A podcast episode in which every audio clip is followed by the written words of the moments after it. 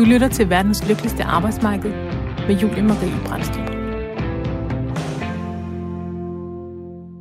I dag er det påske, det er helligdag, og mange holder fri. Måske går du og gør klar til den sidste lille corona-påskefrokost med familien.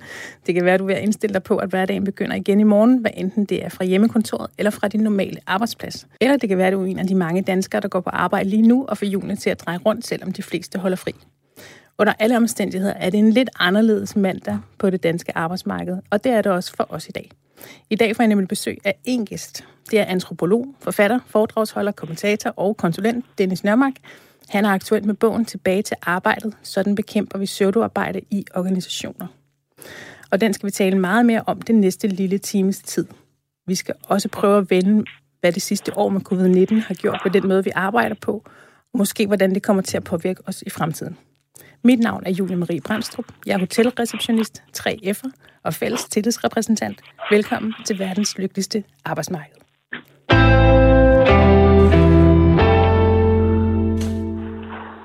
Og Dennis Nørmark, velkommen til. Tak for det.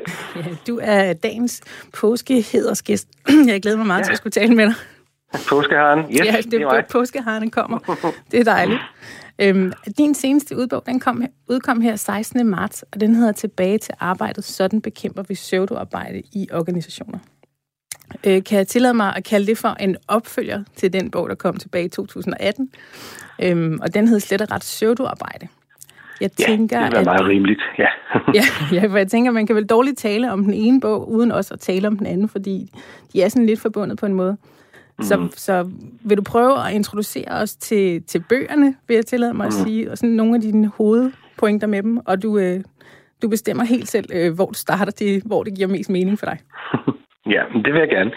Øh, man kan sige, at pseudoarbejde, det var et, øh, et, et fælles sådan, øh, barn fra øh, mig og filosofen Anders Fogh Jensen, øh, som i... Øh, for en snart en, en 4-5 år siden begyndte at diskutere med hinanden om, at der var sket et eller andet underligt på vores, øh, vores arbejdspladser, hvor vi synes, vi så flere og flere undersøgelser, der indikerede, at folk synes, de sad med en masse meningsløse ting.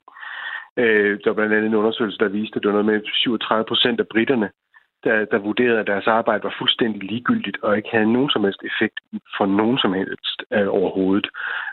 og det synes vi var ret markant.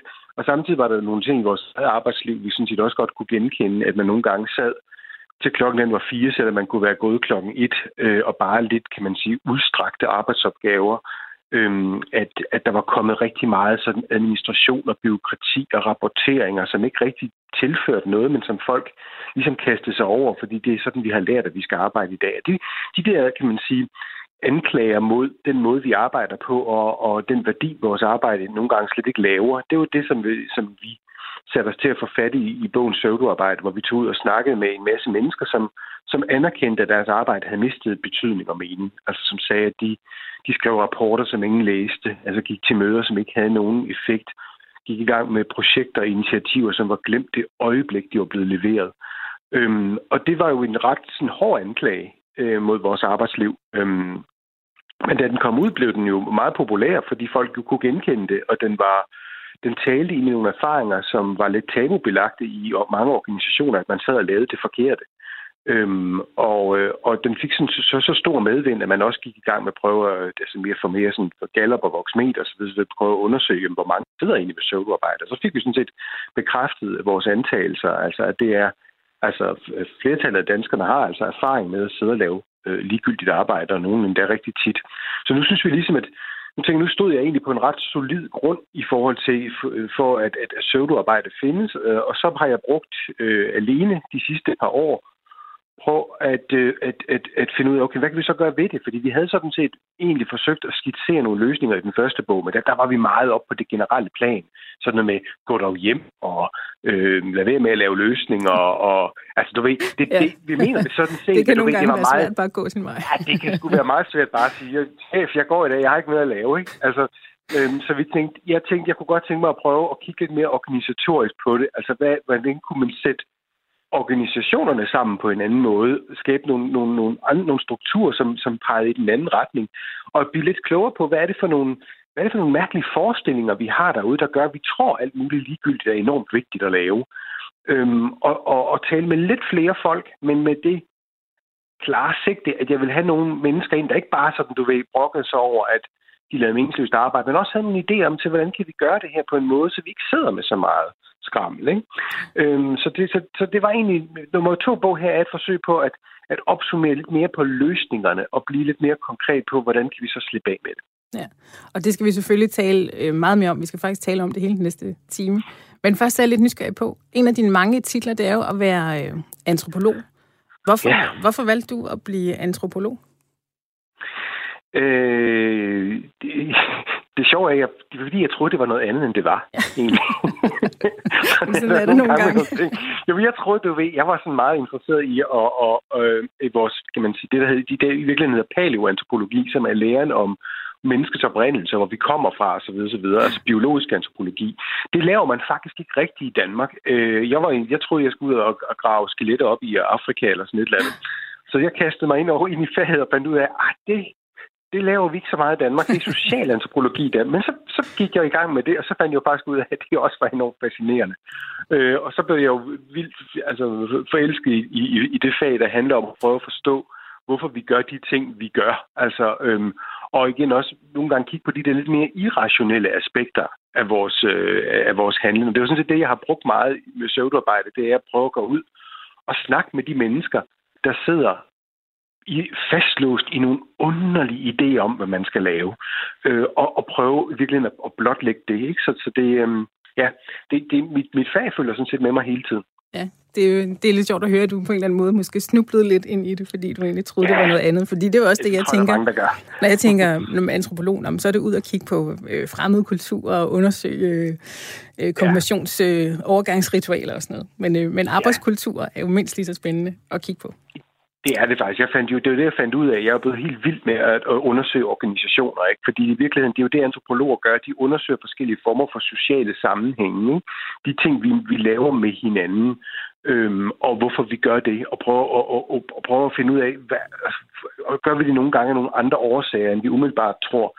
Og på den måde, så, så er en, et, øh, altså en organisation nøjagtigt lige så eksotisk som et eller andet initieringsritual på Papua Ny Guinea, altså. Ja, fordi det er, jo, det er jo netop det, at det er jo også en kultur, som man kan, som man kan udforske. Ja, ja. Ja, ja, og den er fuld af de der andre gådefulde ting, altså øh, ting, som vi altså nærmest rituelt foretager os, uden i virkeligheden at spekulere så meget over, hvorfor vi gør det. Ikke? Altså, vi, vi, de, de ting, som, en, som man gør i sin stamme øh, eller sit kulturelle fællesskab, er jo tit ting, man ikke rigtig får stillet altså, hvorfor spørgsmål til, for det er meget svært at besvare, hvorfor vi danser om juletræet, eller, eller, eller holder påske, eller gør det på den måde, vi nu gør det. Ikke? Og man kan sige, med, med en organisation er det jo lidt noget af det samme. Hvorfor skriver vi en årsrapport, som kun bliver downloadet 20 gange om året? Hvem i himlens navn læser det skidt? Ikke? Altså, det gør vi, fordi det har vi også gjort sidste år. Og så på den måde er det jo lidt som at danse rundt om juletræet. Ikke? Altså, ja. men, men, men man forventer jo bare, man forventer bare en organisation, hæver baren lidt højere, fordi altså, de skal jo også tjene penge, eller de skal tjene borgere eller kunder, eller hvem de nu sætter i verden for. Så her kan vi jo ikke bare gøre ting, fordi vi altid gør det. Vi bliver jo nødt til at prøve at stille lidt skarpt på det og sige, jamen er der nogle, er der nogle ah, ting, vi bilder os ind, er vigtige, øh, og som vi udfører af nogle årsager, som i virkeligheden fortjener at blive lidt mere altså, grundigt undersøgt og afdækket. Ja. Jeg skal lige øh, huske at sige til lytterne her, at I desværre ikke kan skrive ind til os i dag, øh, hverken med spørgsmål eller kommentarer, fordi at dagens program det er optaget på forhånd. Vi kunne kalde det sådan en slags pseudo-live radio i dagens anledning. Men jeg kunne godt tænke mig, at vi taler meget mere om, hvad pseudoarbejde er. Så, så skal vi prøve at starte med, hvor, hvor kommer pseudoarbejde fra? Jamen, søvnarbejde kommer jo sådan set fra, øh, man kan sige, lidt det, det forhold, at vi, tror jeg, arbejder mere, end vi i virkeligheden behøver at gøre. Øh, øh, vi, vi blev meget optaget med i, det begreb, der hedder Parkinsons lov, som tilsiger, at arbejde ud, øh, sådan set udvider sig, indtil det udfylder den tid, der er afsat til det. Det kan man sådan set finde i små, kan man sige, øh, altså lommer. Det her radioprogram var jo også lige så lang tid, som vi to har afsat til det. Øh, hvis jeg holder et foredrag, så var det også øh, en time og kvarter, hvis det er det, der er sat af. Det er sådan set ikke noget mystisk i. Problemet er bare, at, at når det begynder at overtage vores arbejde, altså at mødet også varer 60 minutter, selvom man egentlig kunne have gjort det færdigt på 15 minutter, eller at arbejdsugen var 37 timer, som vi jo en eller anden grund har bestemt os for, at den gør og det har vi bestemt os for, at den gør i de sidste 30 år. Der er ikke sket noget som helst med arbejdstiden. Jamen, jamen så, så tilsiger den her lov, at arbejdet sådan set bare udfylder hullerne. Det vil sige, at man, man udvider det, man laver, man putter mere ovenpå, man opfinder eller finder noget arbejde, man graver det ligesom frem for gemmerne, uden at det nødvendigvis egentlig øh, skaber øh, særlig meget mere værdi. Okay. Øhm, og det, og det, det, det, det er jo det forhold, der gør det muligt, det er, at vi måske i virkeligheden burde arbejde mindre, end vi gør, men fordi vi ikke gør det, så, så skaber vi nye arbejdsopgaver for os selv. Ja. Så altså, hvordan, hvordan opstår pseudoarbejde sådan ud af, ud af ingenting, skulle jeg til at sige? Ja, det er klart. Det, det, det, det, er, det, det jo, kan man sige, det er den mekanisme, som, som gør det muligt. Men, der, men for at det her kan blive til noget, så skal der være det, vi kalder nogle rationaliteter til stede. Altså, der skal være nogle, nogle forestillinger om noget, der gavner, selvom det ikke gør det. Øh, altså, man kan sige, meget populært, så, så sådan noget som kommunikation, det fylder enormt meget. Ikke? Altså virksomheder kommunikerer, og man kommunikerer til medarbejdere og kunder og til hinanden osv. Man laver nyhedsbreve på 80 sider og laver intranetartikler, som ingen nogensinde læser. Og, altså, du ved, der, er en, der foregår en meget, meget stor grad af kommunikation, fordi vi har bestemt os for, at kommunikation er vigtigt. Der er over hundredvis af mennesker ansat der i Københavns Kommune til kommunikation. Altså, så det vil sige, at vi, vi får en, vi, men vi kan jo ikke læse det. Altså, vi kan ikke forholde os til det. Vi kan ikke nu at få alle de her ting gennemtykket, men vi har lært hinanden, at kommunikation er vigtigt, så det producerer vi bare. Det kan også være, det kan også være, at du, hvis du sidder som sagsløs øh, virksomhedsleder og har en eller anden organisation, hvor du tænker, åh, folk sidder i siloer, åh, de får ikke talt med hinanden, og der bliver ikke vidensdel osv. osv. Den der sang, den synger enhver virksomhedsleder nærmest med på. Problemet er bare, at de ved, de aner ikke, hvad de skal stille op med det. Så gør de det, at de laver nogle organisationsændringer. Så smider de folk under nogle nye ledere, og så smider de nogle afdelinger sammen. Så laver de nogle nye rapporteringslinjer og nogle nye mål.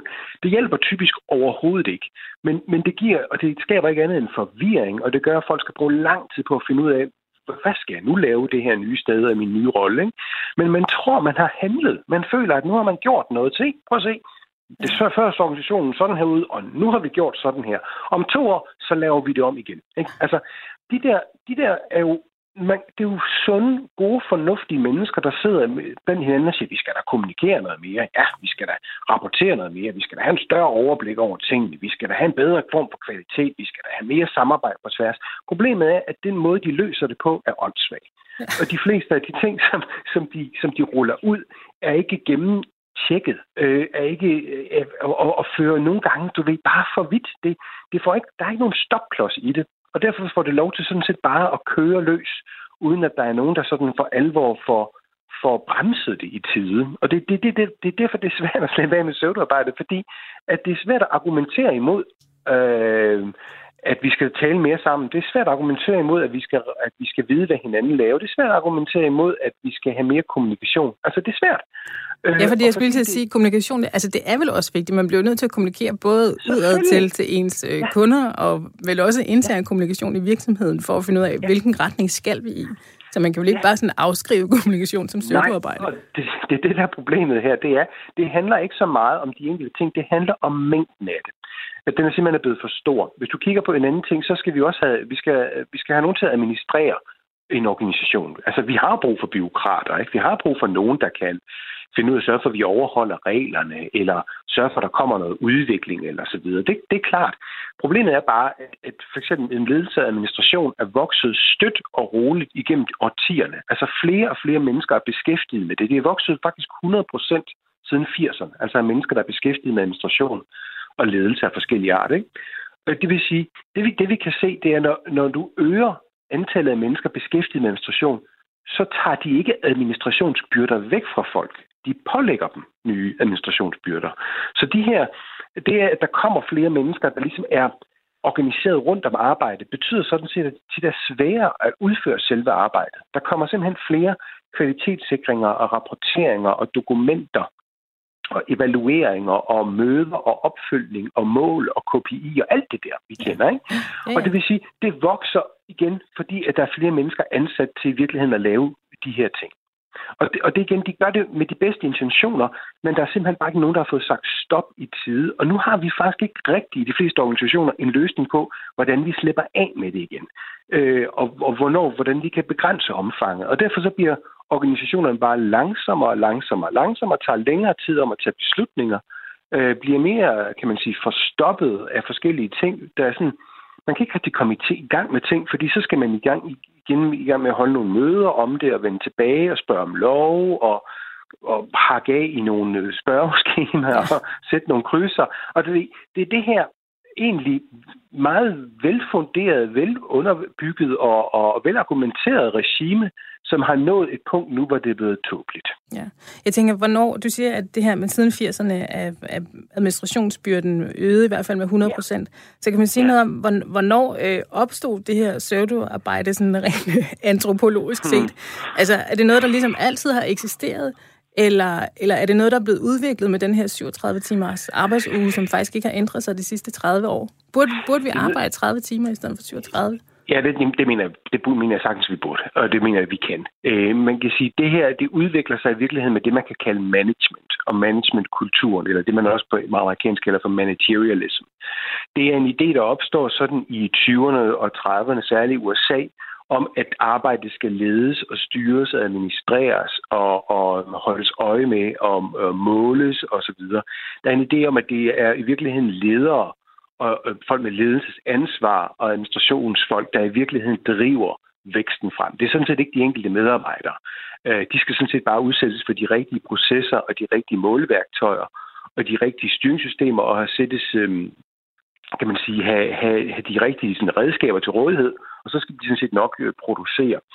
Øh, man kan sige, den her, den her forestilling øh, om, om, om styring og, og kontrol osv., den, den overtager vi sådan set i de fleste virksomheder sådan op igennem 30'erne og 40'erne, og i Danmark bliver det også meget populært at, at se øh, hvad hedder det, hvad hedder, organisationer på den her måde.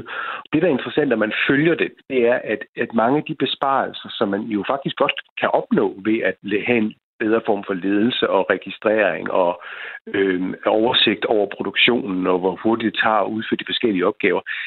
Det, det, det leder faktisk til, at der bare dukker nogle årsværk op et andet sted i systemet. Altså det vil sige, de sparer, det er det, man sparer på at få folk til at arbejde hurtigere og mere effektivt, jamen de bliver sådan set bare flyttet over til kontorjobs i stedet for. Altså så sidder folk derover. Så virksomhederne bliver ikke nødvendigvis mindre, men de får færre folk, der i virkeligheden beskæftiget med at producere, og flere folk, der er beskæftiget med igen med at organisere det og, og måle på det og fortælle nogle ledere om, hvad progressionen er osv. Så, videre. så det, det er bare sjovt, når man følger det sådan rent historisk, så har de her, de her idéer om at bygge mere effektive virksomheder op, i virkeligheden bare flyttet arbejdskraften et andet sted hen. Ja, fordi jeg tænker lidt, lidt ligesom med kommunikationen før, der, der, er vel, der skal vel være en eller anden balance i, øh, hvor meget administration der er, fordi noget administration skal der jo, skal, ja. skal der jo være. Hvordan rammer man den balance? Jeg tror i virkeligheden, at problemet handler lidt om, at administrationen nok i virkeligheden kommer til at fokusere på det forkerte. Øhm, øhm, det er noget, jeg prøver at beskrive i den nye bog også, fordi hvis du har en, en, en person, der er beskæftiget med kvalitetssikring, eller, eller HR, eller, eller kommunikation, eller andre ting, så vil de mennesker typisk være meget fokuseret på dem, der lønner dem. Og dem, der lønner dem, det er toppen af systemet. Det vil sige, de kigger meget opad til, til deres chefer og til topledelsen og direktionen og sådan nogle steder. De kigger ikke specielt meget ned i driftsområdet, øh, fordi det, ikke, det får de ikke så specielt meget ud af at gøre. Altså en, en, en eller anden linjeleder, der sidder et eller andet sted og bøvler med at forstå ferieloven, som ingen af os jo kan forstå øh, ret meget af. Han, han, øh, han, han har lidt svært ved måske at få opmærksomhed fra nogle nogle støttefunktioner og administrationsfolk, der i virkeligheden er meget mere fokuseret på at lave et eller andet nyt mission eller vision eller ledelsesstrategisk tiltag sammen med topledelsen, fordi det er der, de får deres løn fra. Det er, der, det, det er dem, der det er, dem, det er dem, som sikrer sig, at de har et budget næste år. Det er typisk ikke de mennesker nede i driften, som rent faktisk sidder og har brug for, problem, for problemløsning. Ikke? Og det er den her sådan lidt usunde kultur, hvor, hvor administration og ledelse sådan smelter sammen i deres egne små ekokamre der gør, at, at man i virkeligheden mister lidt overblikket over, og man sætter flere snubletråde op og flere sten på vejen for medarbejderne, end man sådan set får fjernet fra dem. Øh, og det er, en, det, er en, det, det er meget det, det er en usund sådan, kultur, men det er sådan meget logisk i virkeligheden, at det bliver på den her måde, fordi man ikke rigtig tager opgaverne fra dem, der har behov for hjælp, men, øh, men i virkeligheden tager dem fra en ledelse, der bliver mere og mere sådan distanceret fra, hvad der i virkeligheden foregår særligt jo større og større organisationen bliver. Ja. Har, har du et eller to eksempler på sådan de mest udbredte former for pseudoarbejde, som, som langt de fleste begår, uden rigtig at kunne slippe ud af det?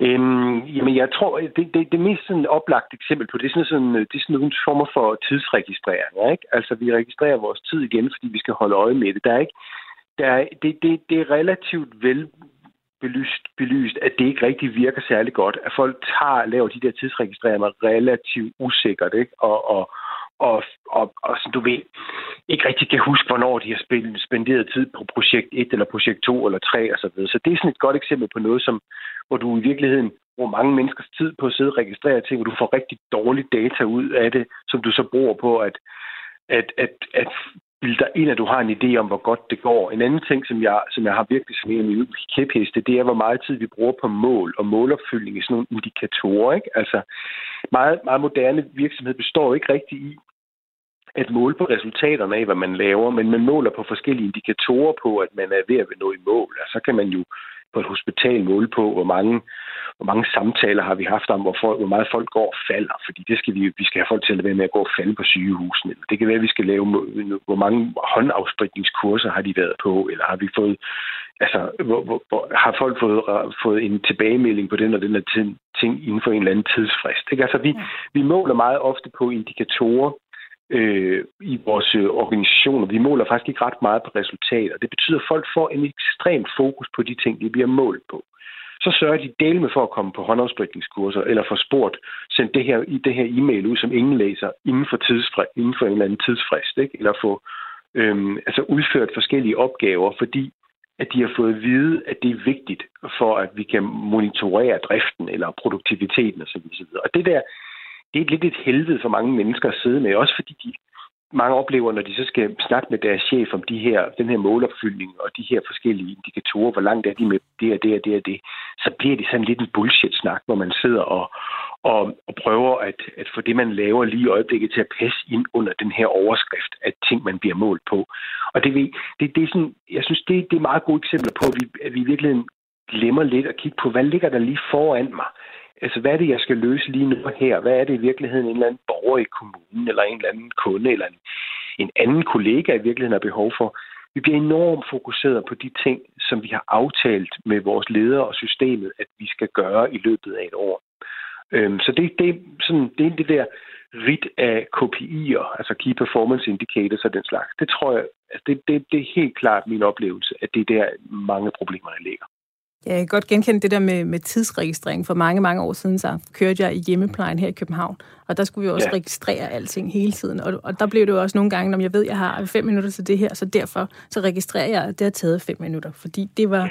det var måske det nemmeste, så skulle jeg ikke stå til ansvar for alt muligt, hvorfor det havde taget syv, eller noget i den retning. Ja.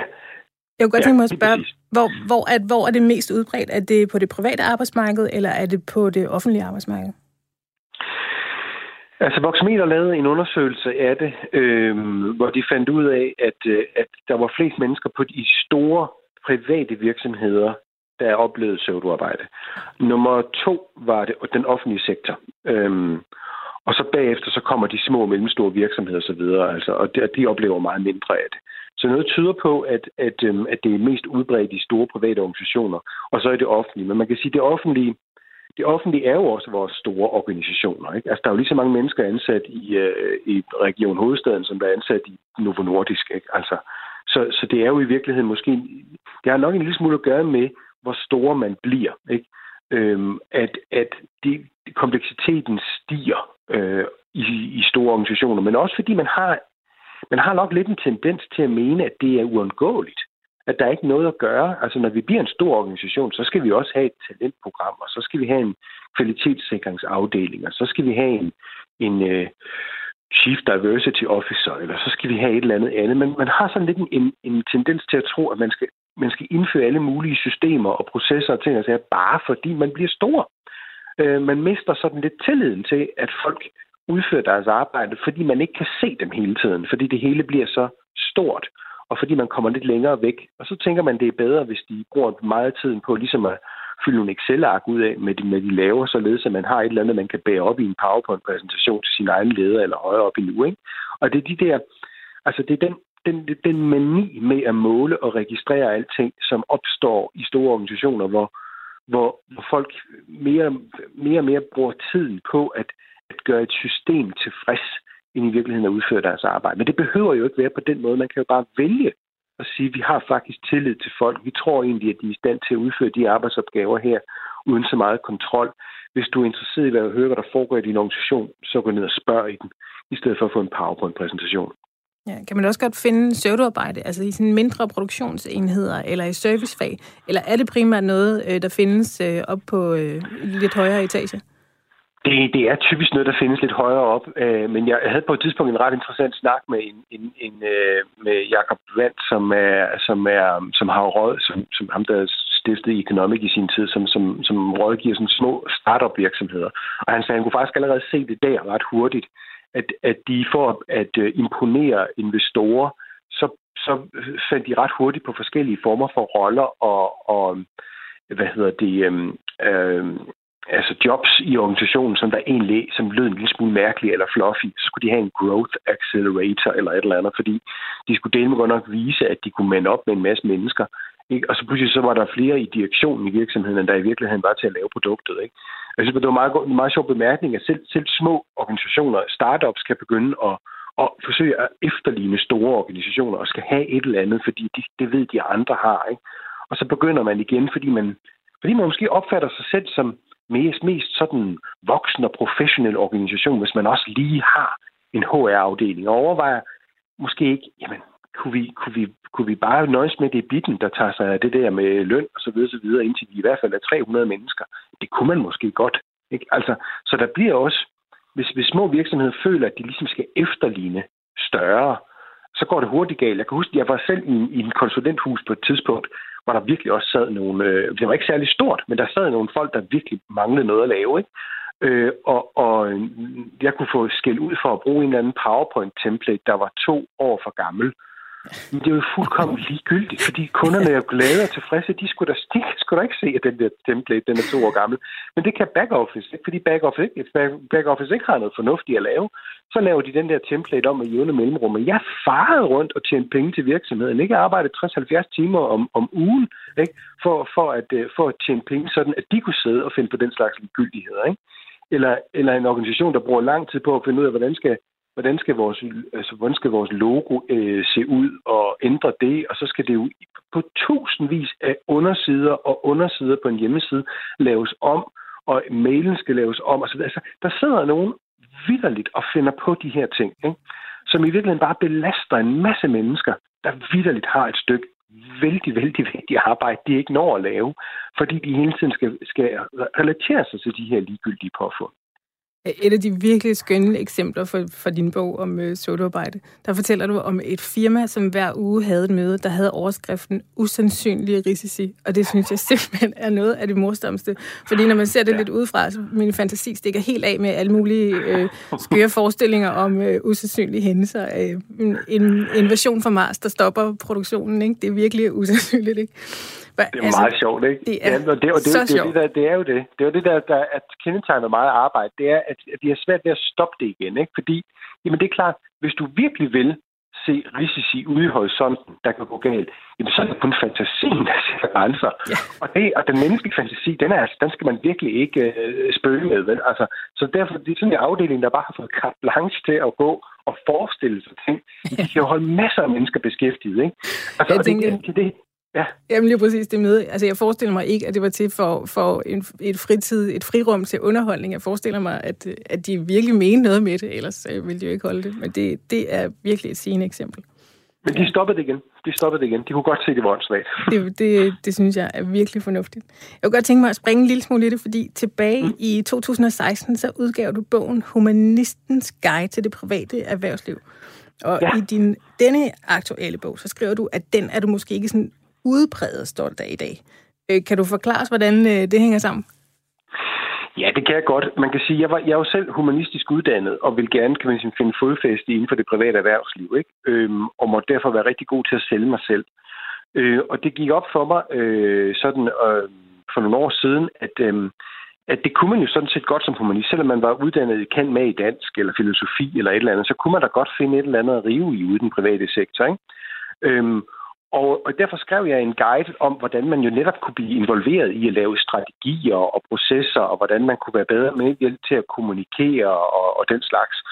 Øhm, så, og, og jeg kan huske selv i, i researchen til det her, så havde jeg faktisk oprigtigt talt lidt svært ved at se, hvad mange af de her humanister egentlig skulle bruges til derude. Øhm, altså hvad de der akademikere, som vi har fået produceret, altså hvad skal de egentlig lave, ikke? Og jeg kunne godt se, at jeg virkelig selv måtte være meget kreativ, og virkelig måtte sådan tvinge tingene lidt frem, for i virkeligheden at kunne argumentere for det. Øh, og, og derfor så blev det sådan en lidt halvkynisk bog, der i virkeligheden, når jeg ser tilbage på den, sådan også med en vis humoristisk og sarkastisk tone, lidt fortalte øh, de her øh, folk, der havde, der havde brugt fem år på universitetet med at læse et eller andet, ikke rigtig vidste, hvad de skulle bruge til noget, at det er bare sådan, bare roligt, herude i det private erhvervsliv, kan du hælde vand ud af ørerne, og der skal vel nok være nogen, der betaler dig penge for det. Ikke? Øhm, og, og, og det var egentlig lidt en kynisk bog, der, og, som egentlig er, altså, som jeg der skulle lige bruge et par år på at spekulere over, hvorfor var den egentlig så sarkastisk? Og så gik det jo op for mig, det er jo fordi, at jeg i virkeligheden i den bog prøvede at instruere folk i at grave arbejdsopgaver frem, der i virkeligheden ikke er behov for, fordi de var så uheldige at komme til at tage en, en, en længerevarende uddannelse i noget, hvor de i virkeligheden skulle have været gymnasielærer eller noget andet. Men, men øh, fordi der var blevet produceret lidt for mange kan med i dansk, så var de endt i, i at sidde og evaluere et eller andet i regionen øh, Syddanmark. Ikke? Altså, øh, og det kan man hurtigt, kan man sige, igen komme til at lave. Men er, er det det, man er uddannet til? Er, det, er, det, er man stolt? Er man glad for at sidde og lave den slags her? Altså endnu en, der, der kaster så, øh, siger til, til en masse sygeplejersker og læger på hospitalet, så nu skal vi i gang med operation læringsstafet, eller tavlemødestyring, eller den nationale indikatormodel, eller et eller andet, ikke? Altså, hvor en masse travlt personale så tænker, åh nej, ikke igen. Ikke endnu en konsulent, der kommer rendende med et eller andet, jeg simpelthen ikke har tid til, og som jeg ved, at vi glemmer igen, når der er gået et halvt år, og vi tænker, gudskelov, nu slipper vi for at høre mere om, øh, om, om, øh, om den her, øh, det her nye projekt, som vi skulle være så begejstrede for i starten. Men, ja, men i Kommunistens Guide til Privat Erhvervsliv, der skrev jeg jo mere eller mindre til humanister. I kan altid finde sådan nogle projekter, ikke? og I kan altid få nogen til at hoppe med på vognen. Ikke? For der er altid nogle, der er altid nogle udviklingspenge et eller andet sted i en organisation og et budget, som folk bare skal have fyret af på et eller andet. Ikke? Ja. Hvad, øhm, altså, hvad skete der så for, for, på de to år, altså fra 16 til 18, der gjorde, at du, øh, lad os sige, skiftede tro sådan her i dagens anledning? For det er vel et ret radikalt skifte, der skete på de to år?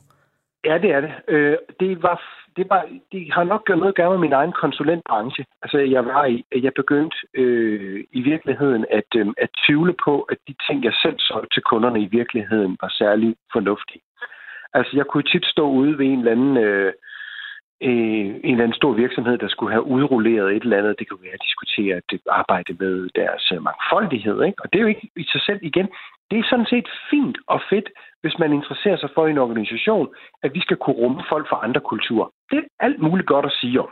Men du kan skyde gråsbåge med kanoner. Du kan udrullere sådan et kæmpestort analyseapparat, som du skal, hvor du skal måle på tolerancen i organisationen fire gange årligt. Du kan ind, igen indrullere det i deres performance-indikatorer, de skal gøre sådan og sådan, så der kan være, det kan være, at de skal lære at tage det med i deres medarbejderudviklingssamtaler, eller holde et ugentligt møde om, hvor tolerante de er i organisationen på 15 minutter, eller plaster kantinen til med plakater om, at her er vi et team, der er mangfoldigt og sådan noget. Ikke? Altså, jeg kunne bare se, at det her, det vil vi vælte ud over organisationen, og så øh, vil der gå så, så vil der gå et halvt år, og så ringer man til kunden igen og spørger, hvordan går det med mangfoldighedsindsatsen? Og så siger de, åh, ved du hvad, ah, der skete lige alt muligt. Så blev vi fusioneret med nogle andre, og vi kom aldrig rigtigt til at, øh, at gøre noget ved det. Og nej, den her ekstra måling, den kommer vi ikke til at lave, og så videre.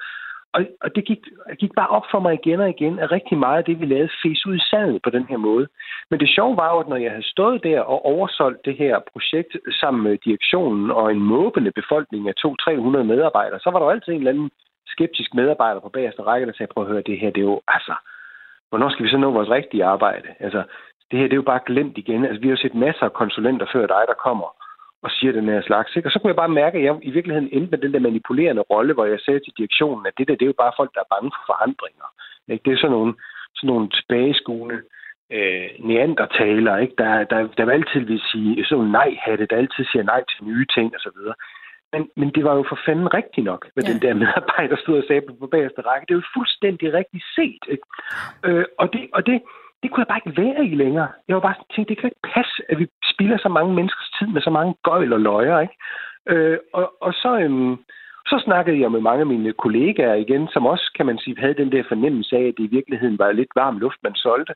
Og så, øh, og så var der, jeg tror, den sådan endelige altså, jeg tror, det virkelig helt til sidst gik op for mig, da jeg sad i en, i en organisation, hvor vi, hvor vi virkelig bare sad og fyldte tiden ud i 3-4 timer, fordi når vi ikke var ude at lave noget hos kunderne, så var der ikke rigtig noget at lave, ikke? Så vi sad bare stod ved og var på Facebook og andre ting, og lød som om vi i virkeligheden arbejdede, ikke? Og så, så snakkede jeg med flere kolleger, der også, der også havde det på den her måde, så, og så tænkte jeg, det skal simpelthen være løgn. Der er nogen, der bliver nødt til at rive tæppet væk under det her sludder. Øhm, og det, øhm, så det, det var mit, mit eget sådan personlige opgør, både med hvad, hvad jeg selv havde foretaget mig, og, og, og en branche som sådan, som jeg var begyndt at vende ryggen. Ja. Og så stod vi kun til Du lytter til verdens lykkeligste arbejdsmarked med Julie Marie Brandstrup.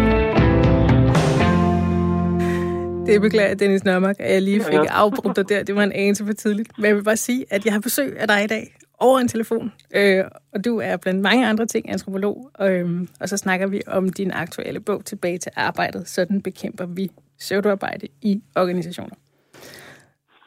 Og Dennis Nørmark, jeg tænker, at et af de første skridt for at komme af med det her pseudoarbejde, det er vel at være i stand til at genkende det. Så, så hvordan gør man det? Øh, ja, det gør man jo. Altså, og nu siger jeg jo ikke det her kun for at sælge bøger, øh, men man gør det faktisk ved at prøve at, altså, at, at, at prøve at se, om man kan genkende de her historier.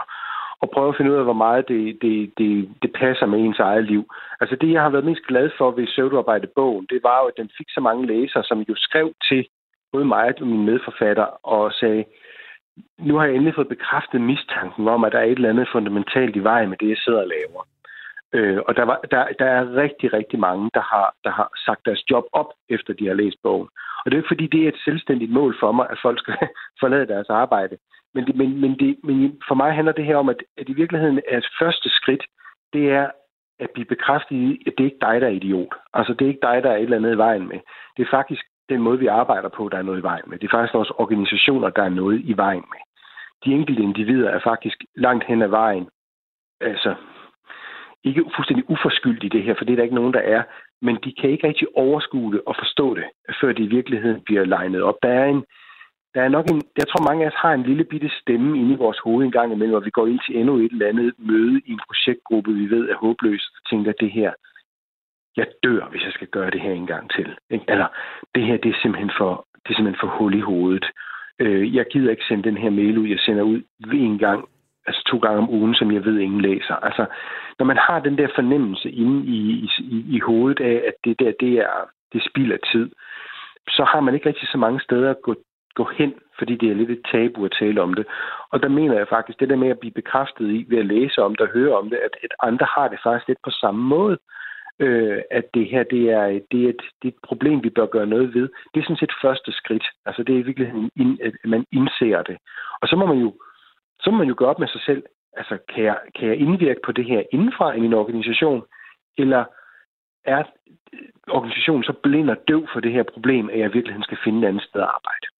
Jeg vil tænke, hvad nu, hvis man er direktør for en mindre eller større firma, og sidder og lytter med derude i dag, og tænker, okay, det kan godt være, der er noget, vi skal kigge på her. Hvad, hvad, hvad gør man så? Hvor går man hen? Hvor starter man? Man starter i virkeligheden hos sine medarbejdere. Øhm, det, det, øh, det, det, det, det, det, det, det, der var så interessant i virkeligheden ved at følge det her for mig som antropolog, det var at finde ud af, at den viden til, hvad der, hvad der er galt, den er faktisk til stede. Den er bare til stede relativt langt ude i organisationen. Det er typisk, hvis man prøver at undersøge, hvis man helt banalt undersøger i organisationer, hvor føler folk sig mest belastet af byråkrati, meningsløse opgaver, og, og overkomplicering af arbejdet, så er det typisk ude i frontlinjen. Hvis man, øh, man, det, når man har undersøgt det, finder man ud af, at det er sælgere, og det er produktionsfolk, og det er altså folk, der i virkeligheden sidder meget, meget aktiv sådan produktionsopgave eller salgsopgave. Dem, der er mindst vidne om, hvor kompliceret byråkratisk organisationen er, det er typisk HR, det er typisk øh, jura eller eller, eller direktørerne, altså ledelses, ledelseslaget.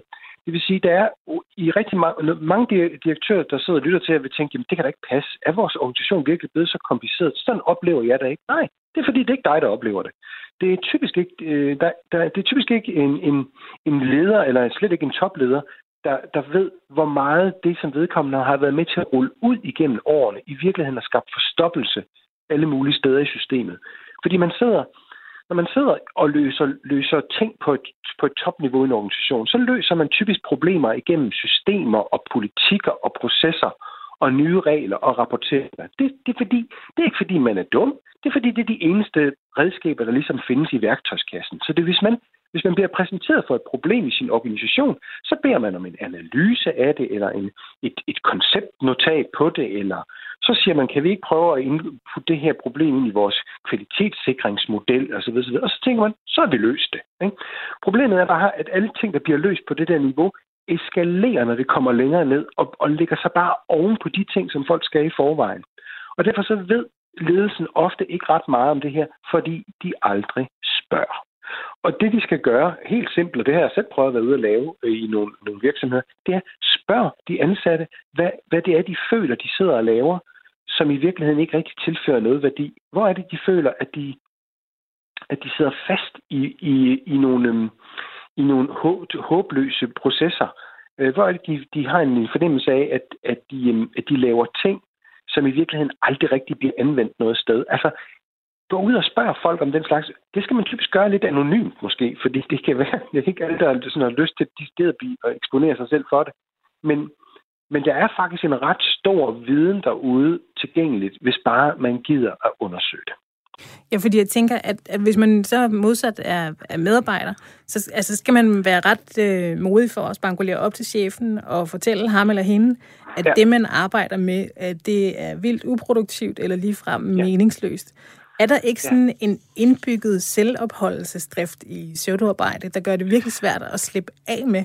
Er det ikke sådan lidt jo. Øh, kejserens nye klæder? Der er sgu ikke rigtig nogen, der tør påpege det.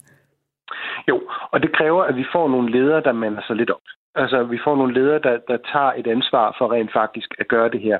Og nogle, og nogle af deres ledere, der fortæller dem, ved du hvad, I bliver nødt til at have som jeres fineste opgave at fjerne sten på vejen for jeres medarbejdere. Jeres fineste opgave er ikke at levere en masse imponerende tal og PowerPoint-præsentationer. Øh, det er ikke sådan, at I, sådan, at I kan man sige, paradere rundt med det op på direktionsgangen. Det vigtigste er i virkeligheden, at I, at I hele tiden er opmærksom på, hvordan kan I fjerne de her sten? Hvordan kan I hjælpe medarbejderne til i virkeligheden at, øh, at udføre deres arbejde? Hvordan kan I, hvordan kan I forsvare dem op, opad til? Fordi at mange af de her systemer, man smider ned over medarbejderne, smider man jo ned over, så at der også er nogle chefer, der kan sige, jamen det har vi orienteret dem om.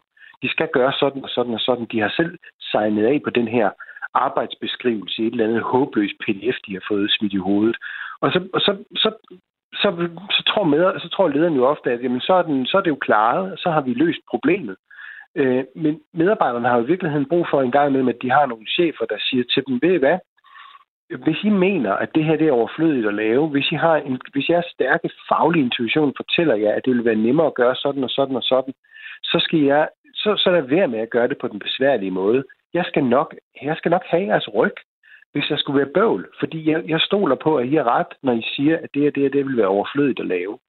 Øh, det kræver et pokkers mod fra chefer at gøre det, øh, fordi det betyder, at de skal, de, skal, de skal bruge tid på i virkeligheden at forsvare deres medarbejdere over for deres egen chefer. Og det er der mange ledere, der ikke har specielt meget lyst til, fordi det er ikke specielt karrierefremmende for men, men, øh, men det handler jo igen fuldstændig om, hvordan man kommunikerer for højeste sted, og, og, og siger, jamen, I skal gøre det her.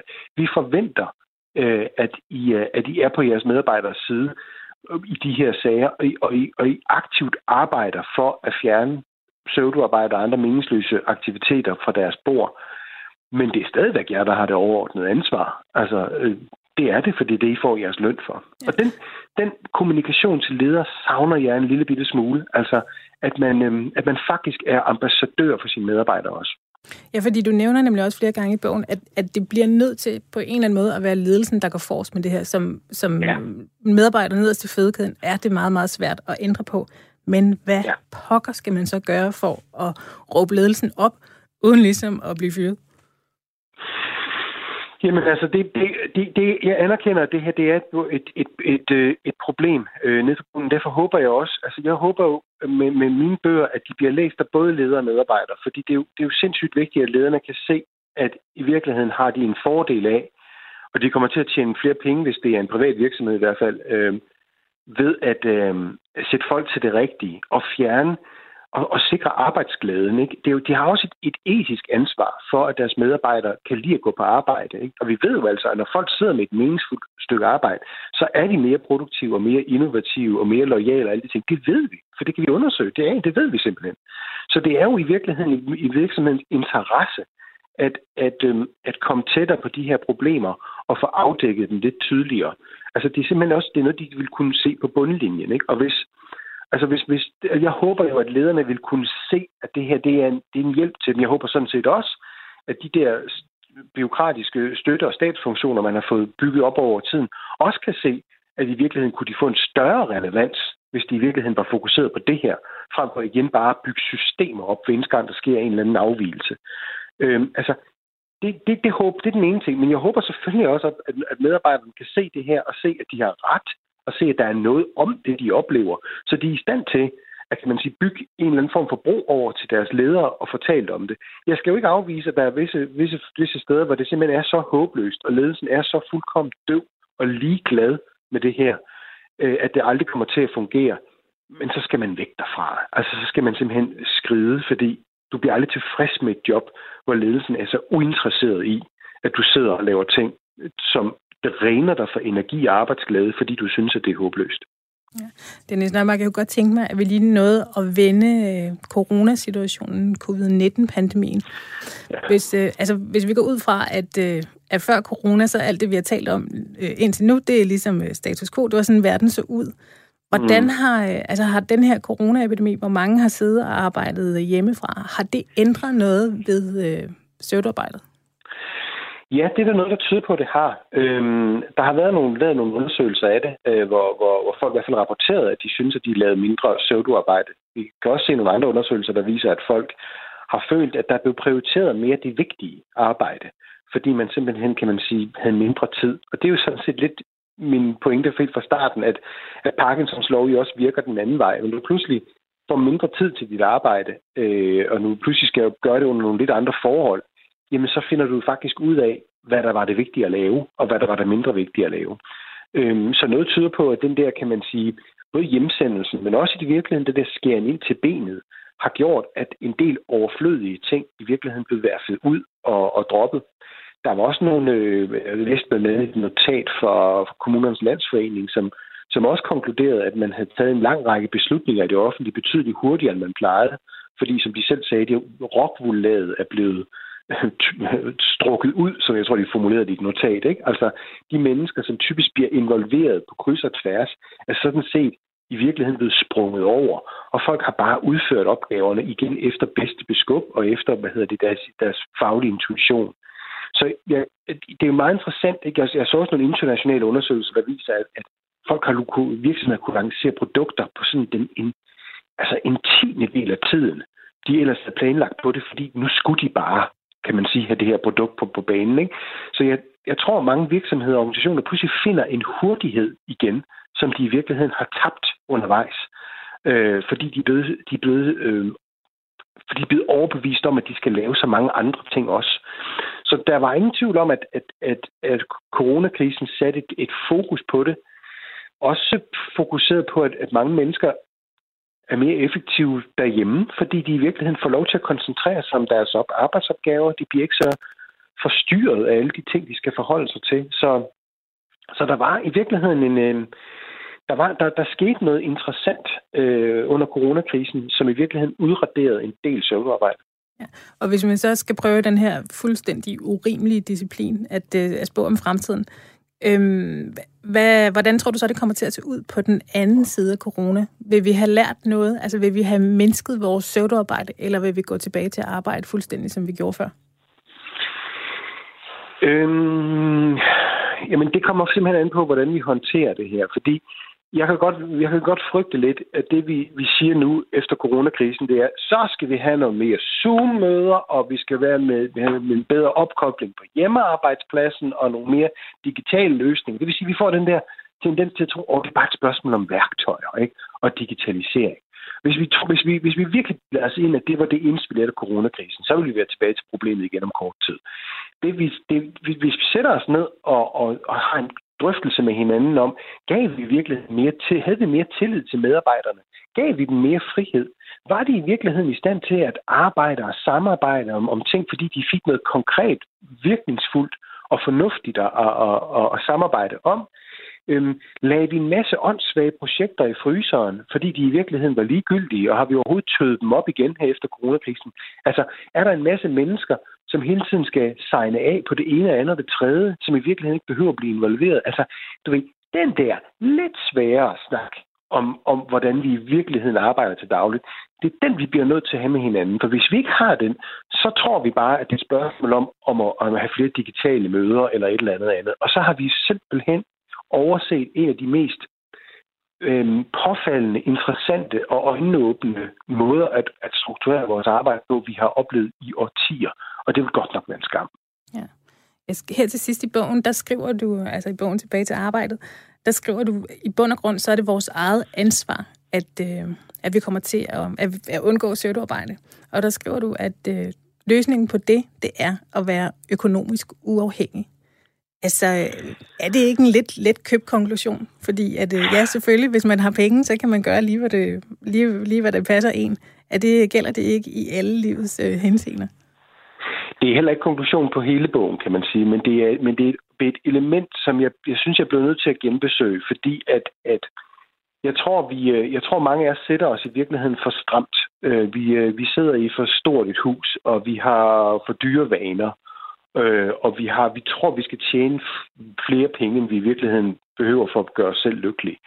Øh, og, og problemet er, jeg så bare, jeg så bare for mange gange til, at jeg ligesom kunne overhøre det, at mange af de folk, som var sluppet af med søvdearbejde, havde gjort det, fordi at de pludselig havde fundet ud af, at de var, altså de havde, de havde skabt en form for økonomi, som gjorde, at de kunne, at de kunne sætte tæring efter næring. Øh, de kunne vælge et job, hvor de virkelig var mere glade for at være der, selvom de ikke nødvendigvis tjente flere penge. Jeg talte om folk, der havde arbejdet i centraladministration, som var ved at blive skøre af det, men som nu arbejder med at lave borer og bænke og sådan noget, ikke? Altså, fordi det er i virkeligheden, der kan de se, hvad de får ud af det. Altså, men det er klart, det betyder, at de skal sætte deres, økonomi, deres økonomi på en anden måde. Øhm, så nej, det her det er ikke, det er ikke universalt grebet, men jeg, men, men jeg synes, at vi alle sammen har tænkt lidt over, om vi sidder fast i håbløse stillinger og job, vi ikke er tilfredse med, fordi vi synes, vi skal tjene så fandens mange penge hele tiden. Øh, og, og vi hele tiden skal kravle et, et højere og højere og højere niveau op. Altså, vi bliver bare nødt til at indse, at vi bruger simpelthen så mange timer om ugen på at arbejde. Og hvis det gør os grundlæggende ulykkelige og, og, og utilfredsstillet, sådan helt eksistentielt, jamen så har vi faktisk et personligt ansvar for at gøre noget ved det. Fordi hvem, hvem, hvem har ellers det ansvar, øh, hvis ikke det er individet? Ja, fordi jeg skulle lige til at være lidt fræk her til sidst og sige, hvis, hvis økonomisk uafhængighed, det ligesom er løsningen på at slippe ud af søvdearbejde, kan man så ikke sige, at dine seneste to bøger, du har bedrevet, at det, øh, det har været søvdearbejde, hvis man bare skal tjene en masse penge? Jamen, det er ikke målet. det er ikke målet. Øh, og økonomisk afhængighed betyder selvfølgelig heller ikke, altså, at du skal leve på et sten. Men, men det handler om, at du skal, at du skal, du skal finde ud af, altså, hvad, hvad kan du leve med i dit liv? Og du skal, tage, altså, du skal have en ambition på dit, på dit, på dit livs vegne. Altså og, og sige, jamen, jeg kan, ikke, jeg, jeg kan ikke være tilfreds med det her. Hvorfor er det, jeg, jeg, jeg igen og igen placerer mig i nogle jobs, som jeg synes er utilfredsstillende, hvor jeg føler, at jeg aldrig nogensinde får flyttet på noget som helst. Øh, og hvis en, en, en vej ud af det er i virkeligheden at at sætte ambitionsniveauet lidt lavere for, hvad man i virkeligheden skal tjene penge, så synes jeg faktisk, det er en, det, det er en måde at gøre det på. Men det kan ikke være individets, altså man siger, alenes ansvar at slippe af med det her. Det er et, et, et større organisatorisk, samfundsmæssigt ting, vi skal gøre også. Men jeg, vil, jeg bliver bare nødt til i min bog at nævne det på falderæbet. Fordi jeg synes egentlig også, at, at det er en overvejelse værd hvorfor man har placeret sig selv i de her stillinger. Ja. Dennis Nørmark, det har været en fornøjelse at have dig med i dagens program. Og jeg glæder mig til træerne, altså hvis, øh, hvis det er, der kommer sådan en.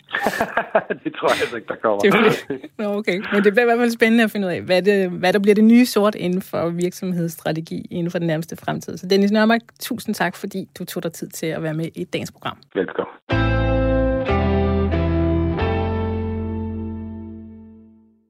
Det var den sidste gang, du hørte den lyd, for fra på mandag er jeres vanlige vært Nikolaj Bensen tilbage igen her på programmet, og det ved jeg, han glæder sig rigtig meget til. Jeg vil sige tusind tak for at få muligheden for at være vikar på verdens lykkeligste arbejdsmarked. Det har været både udfordrende, sjovt og lærerigt. Verdens lykkeligste arbejdsmarked var produceret af Rackerpark Productions, og producer i dag var Marie-Louise Mattelung. Mit navn er Julie Marie Brandstrup. Tak fordi I lyttede med.